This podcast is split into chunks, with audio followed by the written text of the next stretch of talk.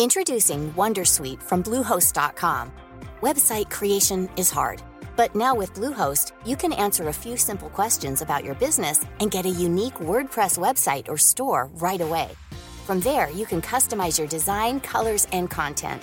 And Bluehost automatically helps you get found in search engines like Google and Bing. From step-by-step guidance to suggested plugins, Bluehost makes WordPress wonderful for everyone. Go to bluehost.com/wondersuite.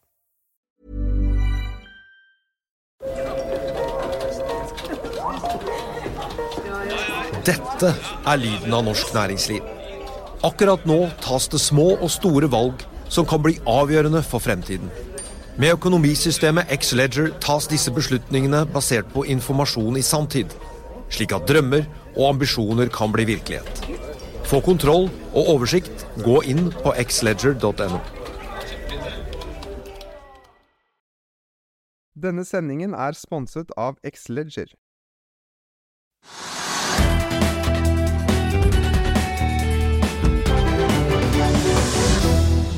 God tirsdag og velkommen til Økonominyhetene her hos oss i Finansavisen. En skikkelig næringslivspolitikkspesial som vi har foran oss i dag. Vi er med oss både Trygve Egnar og næringsminister og nestleder i Arbeiderpartiet Jan Christian Vestre på en dag der kalenderen altså viser den 14. november. Dagen for både svenske og ikke minst amerikanske inflasjonstall. Nyhetsbildet preges ellers av at både finans- og driftsdirektørene i den danske fornybargiganten Ørsted må gå på dagen etter de store tapene og kursfallet. Mats Nipper, konsernsjef, blir foreløpig sittende. I tillegg til at det går i, i går altså ble kjent at Ørsted også trekker seg fra de norske havvindprosjektene. Og det er flere overskrifter enn det for den relativt nyansatte toppsjefen i Nordnetts svenske konkurrent Avanza, Knut Frengsmyr. Han må også gå etter avsløringen i Dagens Industri om bruk av svart arbeidskraft på hjemmebane. Og husholdningene er mer pessimistiske, skal vi tro Finans Norge. De er ute med sitt forventningsbarometer. Hovedindikatoren der har nå snudd ned etter tre kvartaler med oppgang. Og så får vi også nevne da at det er storfint besøk i oljenæringen denne uken. Den relativt ferske toppsjefen i Brasils statseide oljegigant Petrobras er i landet. Jean-Paul Prates er nemlig på norgesbesøk, både for å delta på Norweps internasjonale energiforum her i Oslo, og for å møte sentrale aktører i næringen som Equinor og Aker.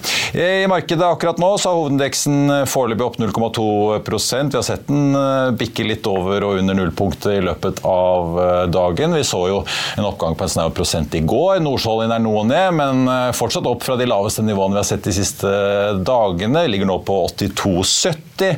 I Europa er børsbildet litt blandet i dag. Det samme så vi i Asia i morgentimen etter en litt forsiktig nedgang på Wall Street i går. Det er bare der Jones klarte å holde hodet over vann av de tre store indeksene. Grieg Seafood startet ned rundt 7% i dag, på skuffende tall for tredje kvartal.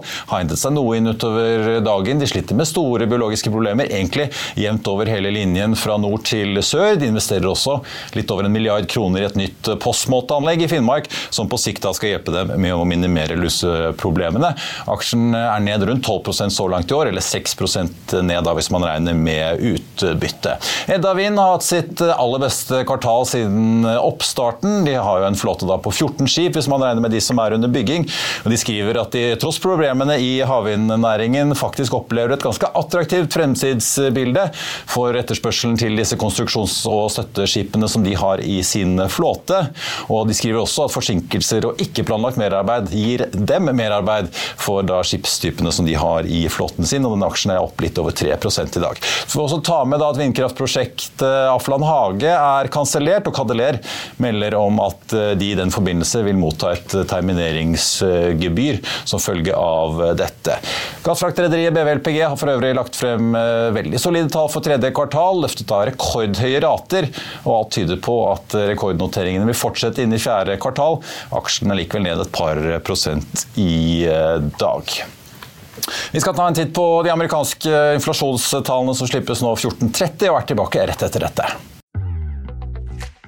Vil du bli oppdatert på det viktigste som har skjedd innen finans og næringsliv? Da er det bare å følge med, for hver morgen er jeg, Marius Lorentzen og aksjekommentator Karl Johan på plass i studio for å ta tempen på dagens marked i Børsmorgen. Og hver ettermiddag oppsummerer vi alt du trenger å vite i Økonominyhetene, og det blir selvfølgelig masse interessante gjester. Klikk deg inn på fa.no-tv, eller søk opp Børsmorgen og Økonominyhetene der du hører på podkast.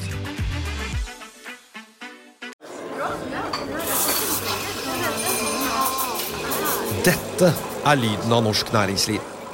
Akkurat nå tas det små og store valg som kan bli avgjørende for fremtiden. Med økonomisystemet X-Leger tas disse beslutningene basert på informasjon i samtid, slik at drømmer og ambisjoner kan bli virkelighet. Få kontroll og oversikt, gå inn på xledger.no. Denne episoden er sponset av van Brun, en fremtredende smykkeforhandler kjent for sitt brede utvalg av forlovelsesringer, gifteringer og diamantsmykker som bæres og elskes i generasjoner. Et frieri er en av de største øyeblikkene i livet, hvor forlovelsesringen er et tidløst symbol på kjærligheten. Valg av ring krever omtanke for både hvilket metall og diamant, med et bredt spekter av både naturlige og labdyrkede diamanter, og metaller som platina, gult gull, hvitt gull og roségull, hjelper de deg med å sette et personlig preg på din kjærlighetshistorie. Van Brun vil gjerne invitere deg til å prøve på tre av dine favorittringer fra nettsiden helt kostnadsfritt. Du kan også låne et bredt spekter av frieriringer, slik at du og din forlovede kan velge en ring sammen etter det store ja. Van Brun tilbyr 90 dagers åpent kjøp og 90 dagers gratis størrelsesjustering. Utforsk deres eksklusive sortiment i luksuriøse omgivelser. Bok en konsultasjon sammen med en diamantekspert i deres showroom i Oslo.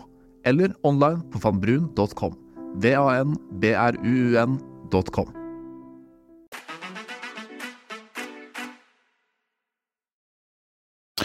Som oftest så pleier aksjekursen å stige etter inflasjonstallene fra USA, i hvert fall hvis vi titter på SMP 500-indeksen. En Bloomberg-oversikt viser at det ble oppgang fem måneder på rad fra i våres og utover høsten under slipp av KPI-tallene, med unntak da forrige måned, for septembertallene viste jo da en overraskende sterk inflasjon med en oppgang da i USA på 3,7 på årsbasis, 4,1 hvis man ser på kjernen. Det var jo nå for oktober da ventet et fall fra 3,7 til 3,3. Vi fikk fasiten akkurat i sted. 3,2, litt lavere enn ventet. og kjerneinflasjonen som altså i USA ikke inkluderer mat- og energipriser, endte på fire blank. Det er 0,1 lavere enn ventet. Og jeg får jo da ta med at futuresene på Street har tikket litt oppover fra hva de lå på tidligere i eh, dag, så det kan jo bety at vi får en hyggelig dag på Wall Street når handelen der er i gang om litt over 43 minutter. Vi har også fått de svenske inflasjonstallene i eh, dag. Svenskene kan vel smile litt, får vi si. Det endte uendret på 6,5% på årsbasis, og ikke en oppgang til 6,6 som var ventet. SEB mener dette betyr at svenskenes sentralbank Riksbanken da ikke behøver å heve styringsrenten på deres neste rentemøte, i motsetning til Norges Bank, som jo alle venter at vi løker renten da på desembermøtet etter at vi fikk en overraskende sterk prisvekst her hjemme.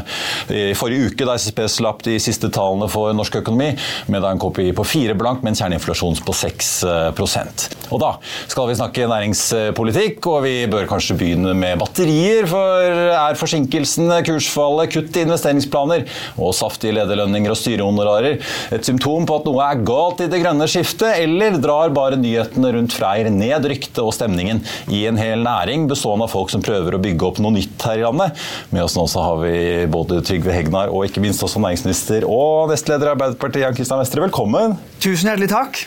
Trygve, skal vi begynne med disse batteriene? Du har jo eh, skrevet om batterifabrikken din gang etter gang, senest i helgen om at dette blir til gull, og du står klar du, til å bygge ut. Og du trenger ikke 10 i ulike støtteordninger og lån og garantier som Nei. Eh, Freyr har bedt om? Nei, jeg trenger ikke det. Altså, det, det, det, der er jo litt ironi, da, i den lederen.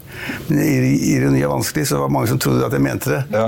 Så det var noen som hadde sendt ut masse sånne meldinger på forskjellige, forskjellige steder, hvor de da skrev at Hegnar tørna helt.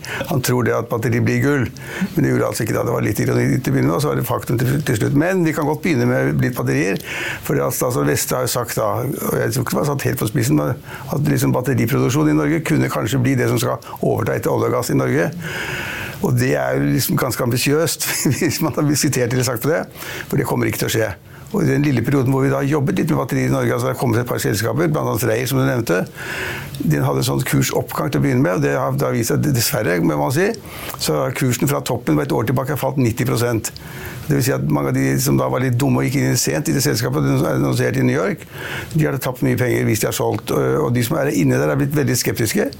Slik at eh, de, de kom iallfall med en melding med et par dager siden hvor Frei-ledelsen sa det, styret og ledelsen sa, sa, da det at eh, de kommer til å trappe litt ned på ambisjonene våre i Norge og øke de i USA, fordi at USA gir mye mer subsidier enn i Norge. Skal ikke gå inn i hele den debatten.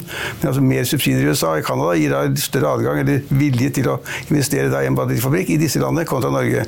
Og Det er tilbakeslag selvfølgelig for regjeringen og for Vestre og for alle som har trodd på batterifabrikken. For det, ja, det, er fall, det går ikke som man hadde trodd da. Og, og, og, så kan man da si liksom, hvem har bomma her, men du var litt inne på det at liksom dette Freyr, da, som er et batteriselskap de da, Hvis de dropper Mo i Rana og bygger ut der, så er det på en måte USA igjen. Og da kan det nok tenkes at motstanden mot batterifabrikker generelt blir litt større i Norge enn det har vært hittil. Så de, og så har man hatt disse stygge historiene om at ledelse og styre ble overbetalt. Vi avslørte i Finansavisen at styremedlemmene hadde en opsjon som gjorde at de kunne få styrehonorar på 10-20 millioner kroner, og, og administrerende tjente 27 millioner osv. Og, og i dag hadde vi en melding om at ansatte som var i selskapet, hadde brukt familiemedier til å utføre konsulenttjenester med masse rart. Freyr har, har kommet litt dårlig ut, for å si det rett og slett, og det er ikke regjeringens skyld. på ingen måte måte, men det kom litt dårlig ut. Hadde litt for dårlig ledelse. Og så har også da Vestre sagt at liksom, hvis det er slik at de overbetaler så mye for styrehonorar og lederlønninger, så vil, vil, vi ikke finne oss i det. Sånt, ja, skal vi ta bredden i næringen, da. Hvis du tar Freyr, bør folk i Mo i Rana føle seg litt lurt? Nei, det skal ikke jeg mene noe om. Men nå har Freyr investert 3 milliarder i Mo i Rana. 94% er finansiert med privat kapital. Staten har vært med på 6% eller 190 millioner i tilskudd til teknologiutvikling utvikling. Der var jeg forstår 100 ansatte der nå, og de har bygget en kundekvalifikasjonsfabrikk som nå tester ut denne teknologien. Det er en 15-20 batteriprosjekter i Norge som nå er under utvikling. Det er de siste to årene investert 18 milliarder private kroner i denne næringen fra norsk og utenlandsk kapital. Og det antar jeg er fordi kapitalister, både norske og utenlandske, tror at de kan få noe ROI på disse investeringene sine. Hvorvidt alle disse lykkes, noen av de lykkes, hvor mange, hvordan, det er opp til det private markedet. Og jeg har hele tiden sagt som næringsminister at målet vårt er å mobilisere mest mulig privat kapital til dette skiftet. Det er ikke aktuelt for oss å være med på noen sånn subsidiekappløp. Det var Arbeiderpartiet i regjering på 70-tallet som begynte å avskaffe produksjonssubsidier. og Det var fordi vi fant ut det som er riktig, at det gir ikke lønnsom næringsutvikling og verdiskaping over tid å subsidiere produksjon. Men vi skal altså gjøre et fundamentalt skifte. Vi skal omstille økonomien. Det kommer med en risiko. Det er mye ny teknologi som skal utvikles når vi går fra fossilt til fornybart.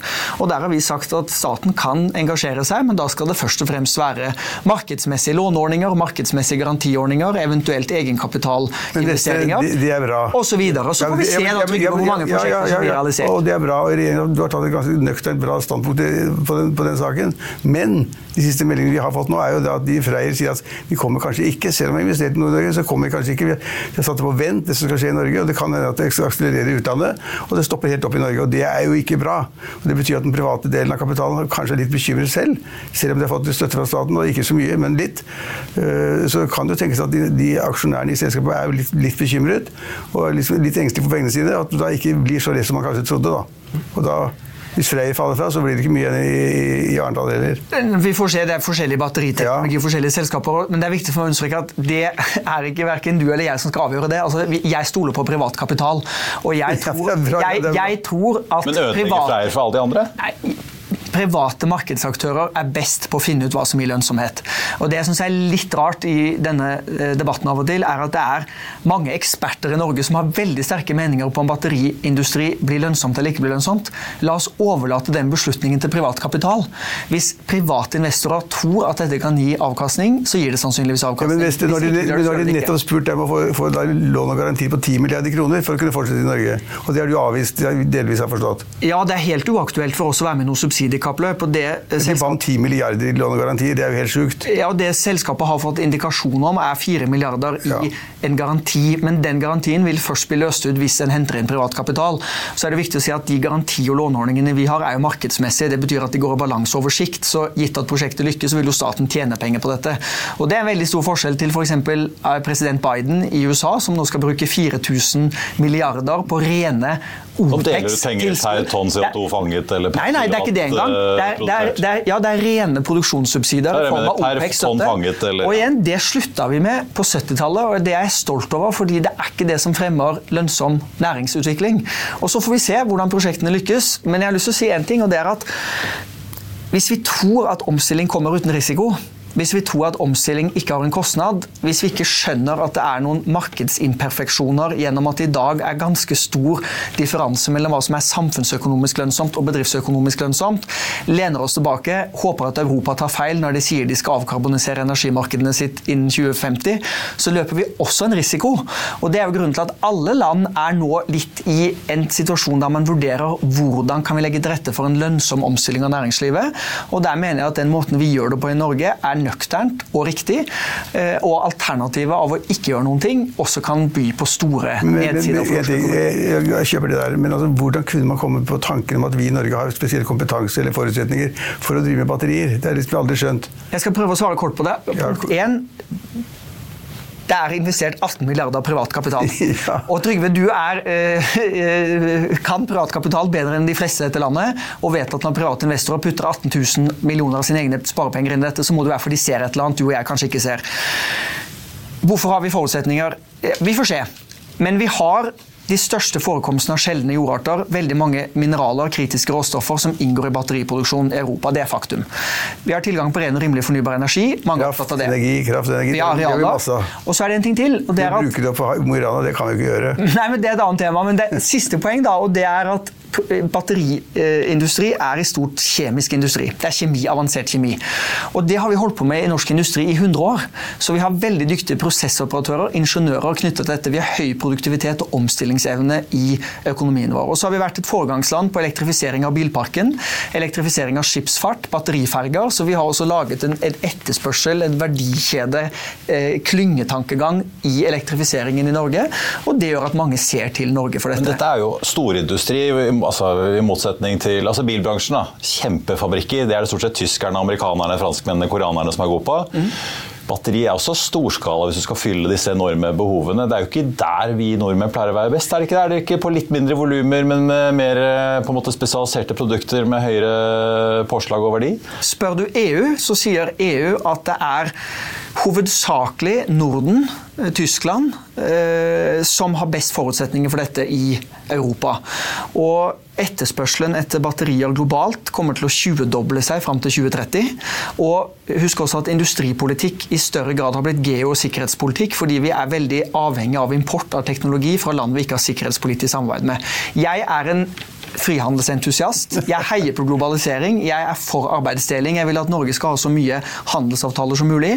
Men vi må også skjønne at vi har kommet inn i tiår med mer proteksjonisme, mer stormaktsrivalisering. Det er en helt annen oppmerksomhet om sårbarhet i verdikjedene, og at Europa, USA, Vesten, Nato-allierte må ha større sikkerhet om egne verdikjeder. Og det gjør også at Europa er opptatt av at vi må ha produksjonskapasitet på vårt eget komponent innenfor visse teknologier. Sånn var det ikke for et tiår siden siden. Sånn har det blitt. Marius, Marius, jeg, jeg tenkte på spørre, Han har fått en utfordring fra en annen aktør. da, Morrow, Lars Christian Bakker, tidligere topp i Equinor, vant til da å sende masse sjekker til staten i form av skatteinntekter. Nå sjef i Morrow, dette batteriselskapet i Arendal, har kommet med en etterlysning. Han sier han vil ikke ha støtte av lån, men han sier at det mangler noe mellom Innovasjon Norge, Siva, som er liksom for veldig unge oppstartsbedrifter, og Eksfin, altså gamle Eksportkreditt, eh, Eksportfinans, som er for de eksisterende store selskapene med inntekter. Eh, der er det et hull. Han sier han vil ha lån i det hullet for å oppskalere Morrow til å bli det dere politikere etterlyser, noe grønt, noe nytt som gir arbeidsplasser da, på, i dette tilfellet på Sørlandet. Kjøper du den etterlysningen, eller er han bare ute etter å få, få litt ekstra påskjønnelse for å drive med noe politisk korrekt? Nei, men altså, Det er jo et nøkternt forslag.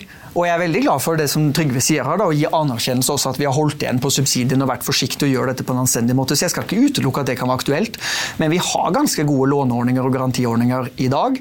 Vi har styrket kapitalvirkemidlene med 15 milliarder i høst. Det er ikke tilskudd, det er først og fremst da lån, garantier, egenkapital. Morrow har jo vært en av selskapene som har hatt utbytte av det. Det har bidratt til en ganske kraftig giring av privat kapital, og så får vi se framover. Men igjen Men Har et poeng om at det mangler ja, det, det, på veien her? Det kan, det kan være at det er aktuelt. Men igjen, hovedregelen må være privatkapital. Det er veldig viktig for meg å understreke, og det betyr at alle disse prosjektene kommer ikke til å bli realisert. Så blir jo det med batterier nå Jeg, jeg, synes, jeg må bare få si først, for jeg er veldig stolt og fan av å få være her. fordi det Trygve ikke vet er at Da jeg var liten gutt, så satt jeg og så på Trygve på TV-en med foreldrene mine og var veldig stor fan av denne kloke mannen som visste noe om alt. Det sånn jeg gjorde det. Ja. ja, så det å få sitte her Hvis ikke jeg er næringsminister, så søker jeg jobb i redaksjonen her hvis jeg får lov. Du kan sikkert og få jeg, jeg koser meg med, med Hegnars batterifabrikk, og jeg skjønner deg, Reni, og du stiller gode kritiske spørsmål, men i anstendighetens navn det, det, virker som at all næringspolitikk handler om batterier. Det er bare en bitte liten del av det vi jobber med. Hovedmålet for næringspolitikken er jo størst mulig verdiskaping i norsk økonomi. En brei næringspolitikk. Og så sier vi at i noen næringer har vi kanskje noen forutsetninger som gjør at vi kan legge litt mer til rette. I hvert fall synliggjøre for investormarkedet internasjonalt hva Norge kan tilby.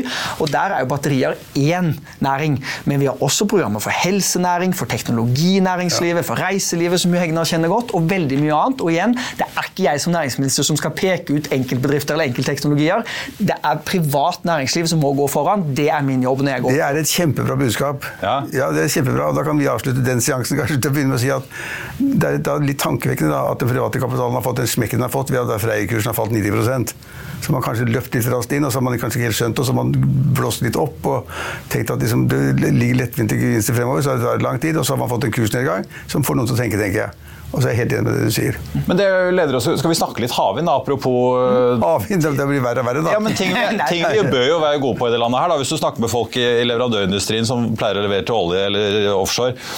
Alle er superbegeistret for hva vi, hva vi, kan innenfor dette segmentet her. Men nå ser vi jo, nå kommer jo resultatene fra prekvalifiseringen til eh, norsk havvind i morgen, så får vi se.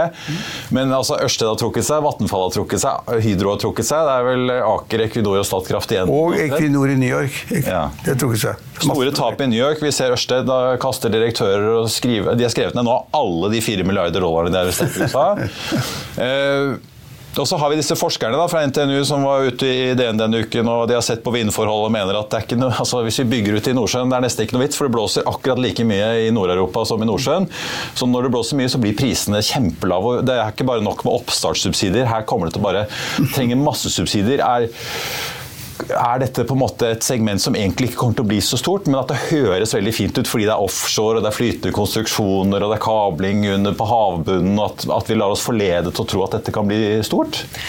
Vi bør ha en solid eh, dose kritisk tenkning også her. Men det var mange spørsmål på en gang. da. Husk at Grunnforutsetningen er at hele verden skal omstille seg fra fossil til fornybar energi. Norge er den største gasseksportøren til Europa. Det er helt avgjørende for europeisk energisikkerhet og med det også europeisk stabilitet. Men EU og de store landene i Europa er helt tydelige på at vi skal avkarbonisere hele energimarkedet vårt innen 2050. Og Noen trodde at Ukraina-krigen skulle sette en stopper på fornybarinvesteringene, og nå var det liksom back to fossil fuels. Bloomberg skrev akkurat at for første gang i verdenshistorien så investeres det mer i fornybar energi enn fossil energi. Så dette kommer til å skje. Og Norge er jo veldig eksponert fordi vi har en fantastisk olje- og gassnæring. Den skal vi drive med i mange år til. 200 000 årsverk, enorme ekspertinntekter, fantastisk lønnsomhet. Dette må gradvis erstattes. Og Da mener vi at vi bør bruke den kompetansen vi har i Norge, den verdensledende kompetansen vi har, i å utvikle nye fornybarnæringer på skuldrene av olje og gass. Det er liksom industriperspektivet på dette. Det er forståelig. Det er ja, det syns jeg også. Det, det, det syns jeg også. Det, synes jeg også. det andre poenget er jo at vi vil Uansett hvem du spør om fremskrivningene, så vil vi kreve, trenge store mengder ny fornybar energi inn på nettet. Det er ikke noe særlig stemning i Norge for å bygge flere eh, fosser i rør der hvor det er verna vassdrag. Vi ser det er stor motstand mange steder mot vind på land er, vi kan energieffektivisere, men det er litt begrenset hvor stort potensial vi har. Det betyr vi må fase inn mer fornybar energi. Og vi har, takket være Jens Evensen, som gikk foran, sikra oss syv ganger større havområder enn vi har landområder. Ekspertene NVE internasjonalt peker på at det er veldig gunstige forhold i Nordsjøen for å produsere kraft. Og Når vi nå da har mål om å doble norsk kraftproduksjon de neste to tiårene med en storstilt havvindutbygging, så er jo det for å sikre at vi har nok grønne elektroner til næringsliv, folk i Norge bidra til å dempe prispresset fra Europa gjennom at vi har vedvarende høye kraftoverskudd. Men det er risikabelt. Ja, for, det er ny teknologi. det er jo fint, men Hva hvis bedriftsøkonomien og prosjektøkonomien ikke da går opp? At ja, det er flott med all kraften, men de som faktisk skal leve av å bygge ut parkene og drifte de, de kommer ikke til å tjene penger, for at det kommer til å blåse like mye i Tyskland og Nederland og Danmark. sånn at du, du får ikke noe penger for denne kraften? Ja, altså, det er et veldig godt spørsmål. Jeg skal prøve å svare på det. Det er et ja, godt, godt poeng og et godt spørsmål også, fordi vi har jo hatt prisnivåer på null, altså null, null kroner fordi det har vært for mye kraft for mye i, nå. Mm. De områdene i Nederland og utenfor Storbritannia hvor man da har vindkraft, så har liksom prisen falt ned mot null fordi at alle blåser på samme samtidig. Og da blir elbil, tilbudstiden blir for stor. Og alle elbilsjåførene smiler for de kan lade gratis. Det, men det har vi allerede nå, så hvis man skulle få i gang visse felt da, syd eller hvor, vest, hvor det måtte være, så det, kan det jo da være slik at prisen blir altfor lav. Så man kan ikke tjene penger på det. Ja, og, og, da må du subsidiere produksjonen. Men, men, du, men, men, du, har rett i at det er enkelte timer og enkelte dager så er det til og med negativ kraftpris. Ja. Dette er jo et uttrykk for tilbud og etterspørsel. Men jeg tror alle ser med de energiprisene vi har hatt i Europa, både de siste to årene som følge av krigen i Ukraina, og alle fremskrivninger på energipriser tilsier at de kommer til å ligge høyere enn før. Så det, det, det, strøm kommer ikke til å være gratis. Men det er to poenger til det. da. Det ene er at vi har så langt bygget 13 flytende havvindturbiner. De er jeg skal ikke si hjemmelaget, for da vil norsk industri bli sinna på meg, men de er i hvert fall håndlaget. De er veldig tunge. De er ikke spesielt avanserte. De eh, krever veldig avanserte ankringssystemer. Det er, det er rabalder å få dem ut dit. Det er noe som heter skalaeffekter i industrien. Ja. Så når du går fra 13 turbiner til etter hvert 1500 turbiner, så kommer jo næringslivet jeg tror på privat næringsliv, de kommer til å finne smartere måter å redusere vekt på, få opp effekten i turbinene. Vi kommer til å lage mye smartere ankringssystemer. Det kommer til å bli stordriftsfordeler. Vi kommer til å ha automatisert produksjon på disse turbinene. Selvsagt går jo prisen ned. Men Vi skal alle sammen gå konk først, da. Nei, nei en, eller to ganger, og så blir det bra den tredje gangen. Nå er ikke sikkert alle får det til, men dette er jo litt av grunnen til at vi bidrar på altså hjelp i starten på å utvikle teknologien for, for, for, å komme i gang. igjen, fordi Her vil det være differanse mellom samfunnsøkonomisk og bedriftsøkonomisk eh, lønnsomhet. Men så er det et poeng til, og det er at hele verden opplever inflasjon. Og jeg tenkte litt på det, for nå er det en del som godter seg litt over at uh, havvindnæringen uh, sliter med lønnsomheten og noen prosjekter blir satt på vent. Men husker dere desember 2022? Da sa Equinor vi utsetter Wisting-prosjektet. Wisting er jo et oljefelt i Barentshavet. For det er fullt på verft i Korea som kan bygge disse svære runde Burde vært særdeles lønnsomt. Og hva sier Equinor? Det er 104 milliarder til investeringer. Hva sier Equinor? Global pandemi, nettopp kapasitetsutfordringer på verftene. skal bygge masse LNG-skip på det samme Stålpris, ja. Stålprisene har blitt så høye, så selv konvensjonelle oljeprosjekter som burde vært ekstremt lønnsomme, utsettes pga. det som skjer i verden. Da er det jo veldig rart å tro at akkurat den samme globale megatrenden ikke skal nå fornybarnæringene våre. Så vi må liksom være litt edruelig. Men inntjeningen ja. er jo dramatisk forskjellig. da. Disse oljefeltene er jo nedbetalt på under fem år. Mange av de halvannen annet hvis du leser i Equinors regnskaper. Ja. Det er jo ikke tilfellet for mange av disse fornybarprosjektene. Nei, og jeg tror vi må være så ærlige som å si at vi kommer ikke til å finne noe som er like lønnsomt som det olje og gass har vært. Men igjen, Nei, skal, skal, vi da liksom bette på at hele Europa mislykkes med energiomstillingen sin og tro at vi kan bare ture på å eksportere olje og gass akkurat som før, som ingenting har skjedd i 50 år til? Det er høyrisikosport, altså. Og det er liksom da jeg mener at vi må finne ut hva kan statens rolle være? Hvordan unngår vi feilinvesteringer? Noen må vi nok erkjenne at vi kommer til å gjøre, for det er risiko forbundet med dette. Men hvordan innretter vi næringspolitikken, energipolitikken, klimapolitikken på en mest mulig samfunnsøkonomisk lønnsom måte som fremmer verdiskaping? Der vi ikke tar mer risiko enn det vi må. Der vi prøver alt vi kan å gire privat kapital, men også legger til rette for at, at dette faktisk kan skje. Jeg mener at Alternativet til den politikken er egentlig ikke noe alternativ, og jeg hører egentlig ikke noen som kommer med en annen politikk eller med andre svar som står seg i møte med disse eh, argumentene. Men, du, men, bare kort, altså det, Hvor mye er det staten har garantert på hav, den første havvindsatsingen? Er ikke det 23 milliarder? eller sånn? 23 milliarder. Kan, noen sier at det kan bli veldig lite. da. Kommer til å veldig mye mer enn 23 milliarder. Ja, Nå får vi se, for nå er det jo en konkurranse da, mellom ja. ulike konsortier, og sånn, så vi får være litt forsiktige med å spå om det nå. Men, men det er jo da... Aasland har jo sagt at mer enn 23 milliarder blir det ikke, har han sagt. Nei, det er det som Stortinget i havvindforliket legger opp til, og så får vi se, da. Nå er det jo det er det konkurrerende aktørene. Med, eller næringen må klare seg med, da. Ja, nå konkurrerer jo aktørene, og næringen sier jo selv, og dem tror jo Verdens energibyrå også, at havvind kommer til å bli for en stor chunk av den globale eh, eh, energiproduksjonen, og dette vil bli lønnsomt. Men ja, vi har den største inflasjonen siden jappetiden, og det slår pinadø ut for havvindnæringen også. Sånn er det bare. Så får vi se hvordan dette går. Det er ikke bare amerikanere du konkurrerer med på støtte, holdt jeg på å si. Britene nå sier de at de fikk jo ingen bud på forrige havvindauksjon. Nå sier de at nei, nå må de kanskje de øke støttenivået for å klare å få inn noe bud. Da. Så det pågår jo ikke bare på tvers av Atlanteren, men også rundt Nordsjøen et slags sånn kappløp, eller i hvert fall eh, en konkurranse da, om å ja. på en måte friste inn aktører. Det er noe som sier at flytende havvind aldri kan bli lønnsomt, for det er altfor risikofylt, altfor kostbart. Det er bare tull. Man må inn da på faste installasjoner.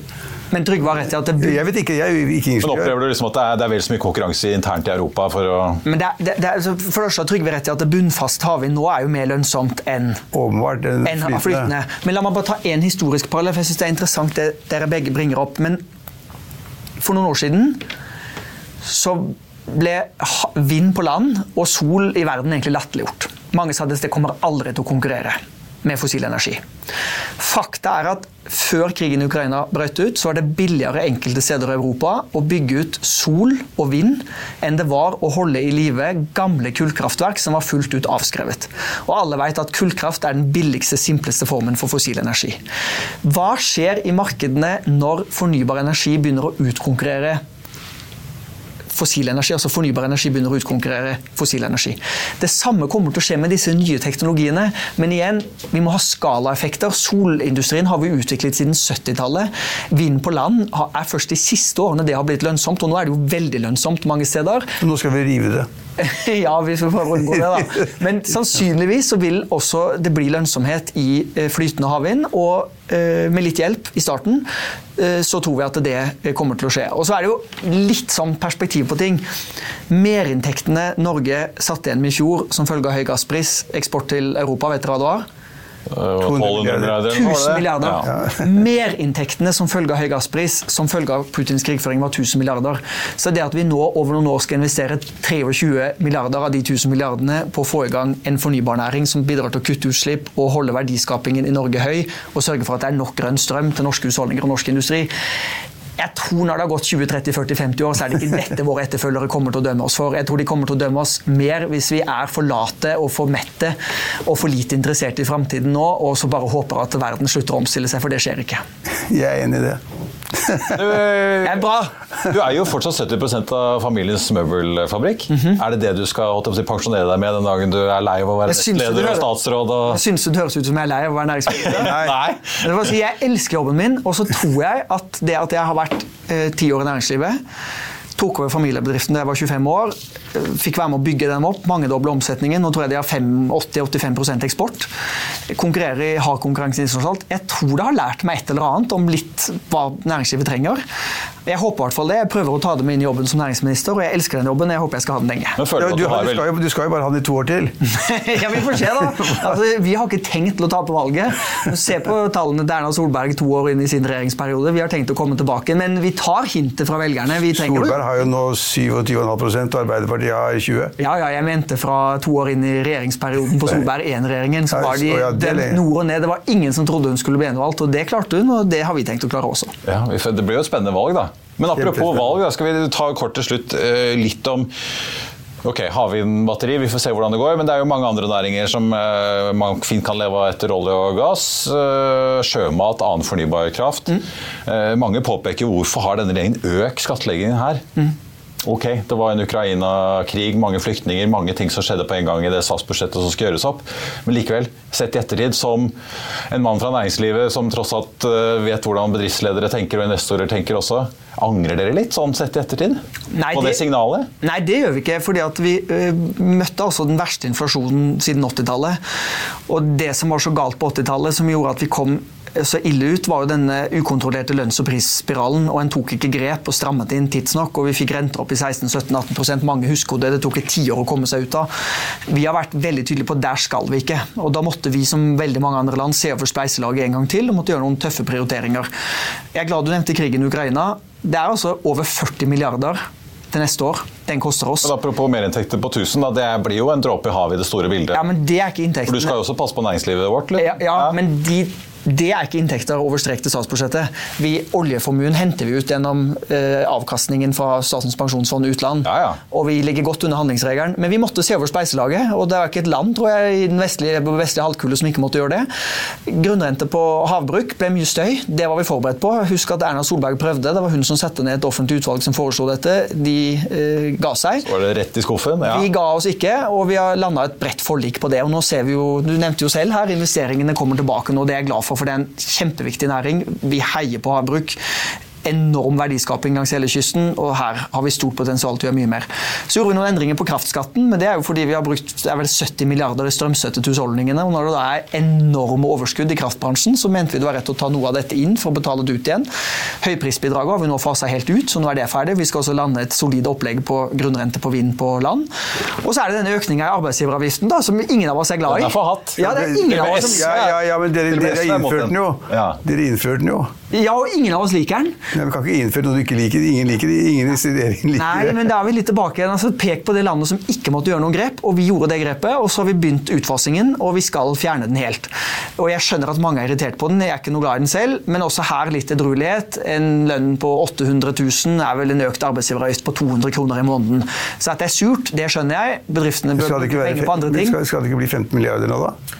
Eh, nei, vi, er 80 år? ja, vi er jo ferdig å fase, Den skal fases ut, men det går godt i norsk næringsliv. Så provenyet, hvis du holder eh, innsa, altså, hva skal vi si, innsteget Altså, min, min, min mening Vestre, og det, Marius, altså, vi har, Norge har mer enn nok penger. At vi sluser pengene gjennom oljefondet, det er bare en sånn en smart måte å gjøre det på, en klok måte å gjøre det på. og Kanskje hindre for mye bruk, bruk av penger av og til, men vi har jo mer enn nok penger. Vi burde ikke økt den der arbeidsgiveravgiften. Vi, ikke, vi har så mye penger i dette landet her, og det, oljefondet vårt er nå på 15 700 milliarder eller sånn nå. Altså, vi, altså, vi, vi overdriver problemet noe kraftig, så vi har, vi har penger til å dekke de kostnadene som løper ved, ved da, krigen i Ukraina, ved de flyktningene 30 eller 40 000 i år. Vi har, mer enn nok penger. Alle andre land i verden de må låne penger hvis de har underskudd. Vi har bare ta- tappe, tappekran på oljefondet. Så tar vi ut 300 milliarder eller 400 milliarder eller 500 milliarder, hva det måtte være. Vi har jo ikke noe problem med penger. Problemet med å bruke penger på de riktige stedene, det er problemet. Ja, ja, men det er nå engang sånn at når vi er oppunder taket i kapasiteten i norsk økonomi, og vi kjemper Ja, jeg, skjønner, jeg skjønner ikke sant? Vi, vi, vi kjemper mot inflasjon. Det å øke oljepengebruken, som ville vært alternativet, i møte med det, tror jeg ville stått seg utrolig dårlig. Og vi har jo inflasjon fortsatt. Vi er litt skuffa på de siste tallene. Nå har vi hatt tre ganger 4%, da. Ja, vi har tre måneder med nedgang, så vi fikk en liten oppgang. Men hvis du ser egentlig gjennom hele eh, de siste to årene, så har vi klart å holde inflasjonen stort sett hele tiden lavere enn EU-gjennomsnittet, lavere enn OECD. Vi har holdt inflasjonen lavere enn mange av våre handelspartnere, og det er jo også fordi vi har hatt en ganske stram finanspolitikk. Det er fordi at gjeninnført ABE-reformen. Alle Kjerneinflasjon- måtte liksom er nå 6 ja. Men ja, det er riktig, men du vet du hva, vi har gjort tøff, mye tøffere kutt enn AB. Fordi at Da vi kom i regjering, så mente Solberg-regjeringen at eh, vi skulle ha en utgiftsvekst på var det 1,9% eller noe. Året etterpå den ble på 5 Og vi har jo bare delvis kompensert for dette. Så offentlig sektor har også tatt sin del av effektiviseringen, og det bør de gjøre. Når du ser på den underliggende utgiftsveksten i år, så er den på 0,7 Eh, Nå er ikke den andre regjeringsalternativet her til å forsvare seg, men alle kan jo gå inn på historiske statsbudsjett og så. De lå på 2, og 3 og 4% under Erna Solberg. Så vi er også opptatt av at offentlig sektor ikke bare kan øke og øke og øke. Vi må fornye, forsterke og forbedre offentlig sektor. Digitalisere, finne smartere måter å løse oppgavene på, så vi driver det offentlig mer effektivt. Men det er bare det at 40 milliarder i utgiftsøkning til Ukraina-krigen, 15 milliarder i økte bevilgninger til Forsvaret fordi vi har en, en, en nabo i øst som går til angrep på et annet naboland. Ja. Det er 55 milliarder som må dekkes inn. Enhver regjering må gjøre det. dekkes inn, det er bare t- tappekranen på oljefondet. Vi, skal dekke vi må ikke dekke det inn med avgifter og skatter. Vi kan ta, vi bruker 300 milliarder eller 400 eller 500, det har jeg sagt før, fra oljefondet, det spiller ingen rolle. Det er ikke inndekning, det er å ta ut av de pengene vi har i reserve. De fleste makroøkonomene er uenig i det. da, for det, Ja. det er ikke forskjell på pluss-minus 200 milliarder i eh, oljepengebruk. Men jeg tror sentralbanksjefen, hadde regjeringen gjort det, hadde sett at her har vi en regjering som fører en uansvarlig finanspolitikk, og så hadde hun økt styringsrenta tilsvarende. og Det er jo det vi skal unngå, fordi for høye renter er det, det er enig der, men vi kan hoppe til et annet punkt, Marius. Ja, da må du være kjapp, for vi skal sende en Statsråden løper ja, nettopp. Ja, og så må vi huske at Tangen advarer om at fondet kan jo falle i verdi. da. Ja, ja, men det, ja, ja, jeg må si at om det faller 20 så blir det jo ingen dollar. Men jeg er glad Trygve var optimist. ja, men, men bare tenk bare på en ting, altså Vi som da rapporterer fra børs, børsen osv., Oslo Børs altså Er ikke statens andel av verdien for Oslo Børs rundt 40 Ja, litt, ja, det går litt opp og ned, men det har pleid å ligge på rundt en Det femtedel. det er jo ikke noe land i den vestlige verden som har de tallene. Altså, altså Statens eierandel pga. Equinor og på grunn av DNB og alt mulig er jo kjempestor. Det er jo, over tid så mener jeg det er et problem at staten på en måte kontrollerer satt på spissen til halvparten av verdien for Oslo Børs. Det er et problem. Så din jobb må, jo i fremtiden være å ikke øke den andelen. Nei, og vi har et pragmatisk syn på hvor mye staten skal eie. Vi har sagt vi kan gå opp og ned og inn og ut. Så langt, nå har jeg vært næringsminister i to år, det vi har gjort på statlig eierskap så langt, er at vi har solgt halvparten av aksjene våre i Aker Solutions.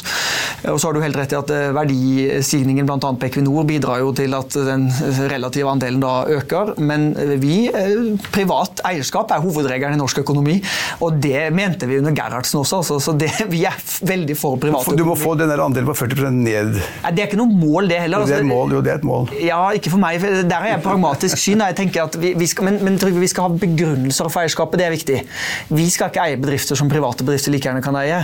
Men hvis det er knyttet til energisikkerhet, samfunnssikkerhet og beredskap, teknologiselskaper hvor vi mener det er viktig å ha hovedkontorfunksjoner i Norge f.eks., så er det en begrunnelse for at staten kan eie. Og Det har vært relativt uh, stabilt over tid, og jeg har ikke noen plan om å øke det. Og så langt har vi jo som sagt Nei, da, Norge stå- kvittet oss med noen aksjer også. Og Norge solgte jo andelen sin i SAS. Det var, Det det var, man skal ikke eie flyselskaper. Hvorfor skal man det? Vi slapp det tapet.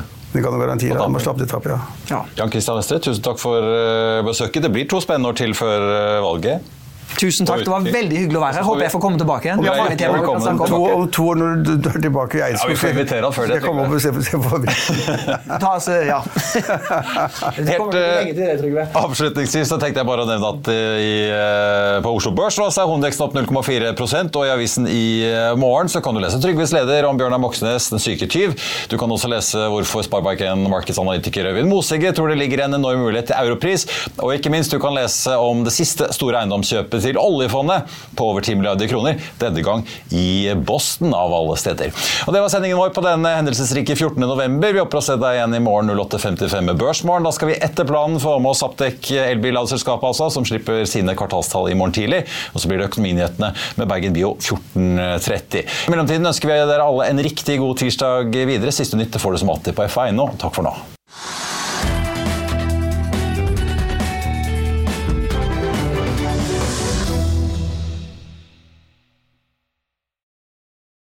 Denne sendingen er sponset av Xleger.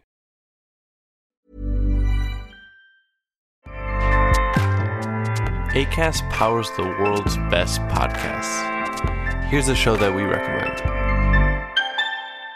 Hey guys, welcome to Giggly Squad, a place where we make fun of everything, but most importantly, ourselves. I'm Paige DeSorbo. I'm Hannah Berner. Welcome to the squad. Giggly Squad started on Summer House when we were giggling during an inappropriate time. But of course, we can't be managed. So we decided to start this podcast to continue giggling. We will make fun of pop culture news.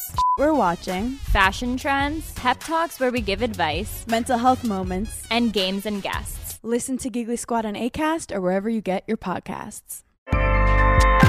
ACAST helps creators launch, grow, and monetize their podcasts everywhere. ACAST.com. Økonominyhetene er en podkast og videoproduksjon fra Finansavisen. Programleder er Marius Lorentzen.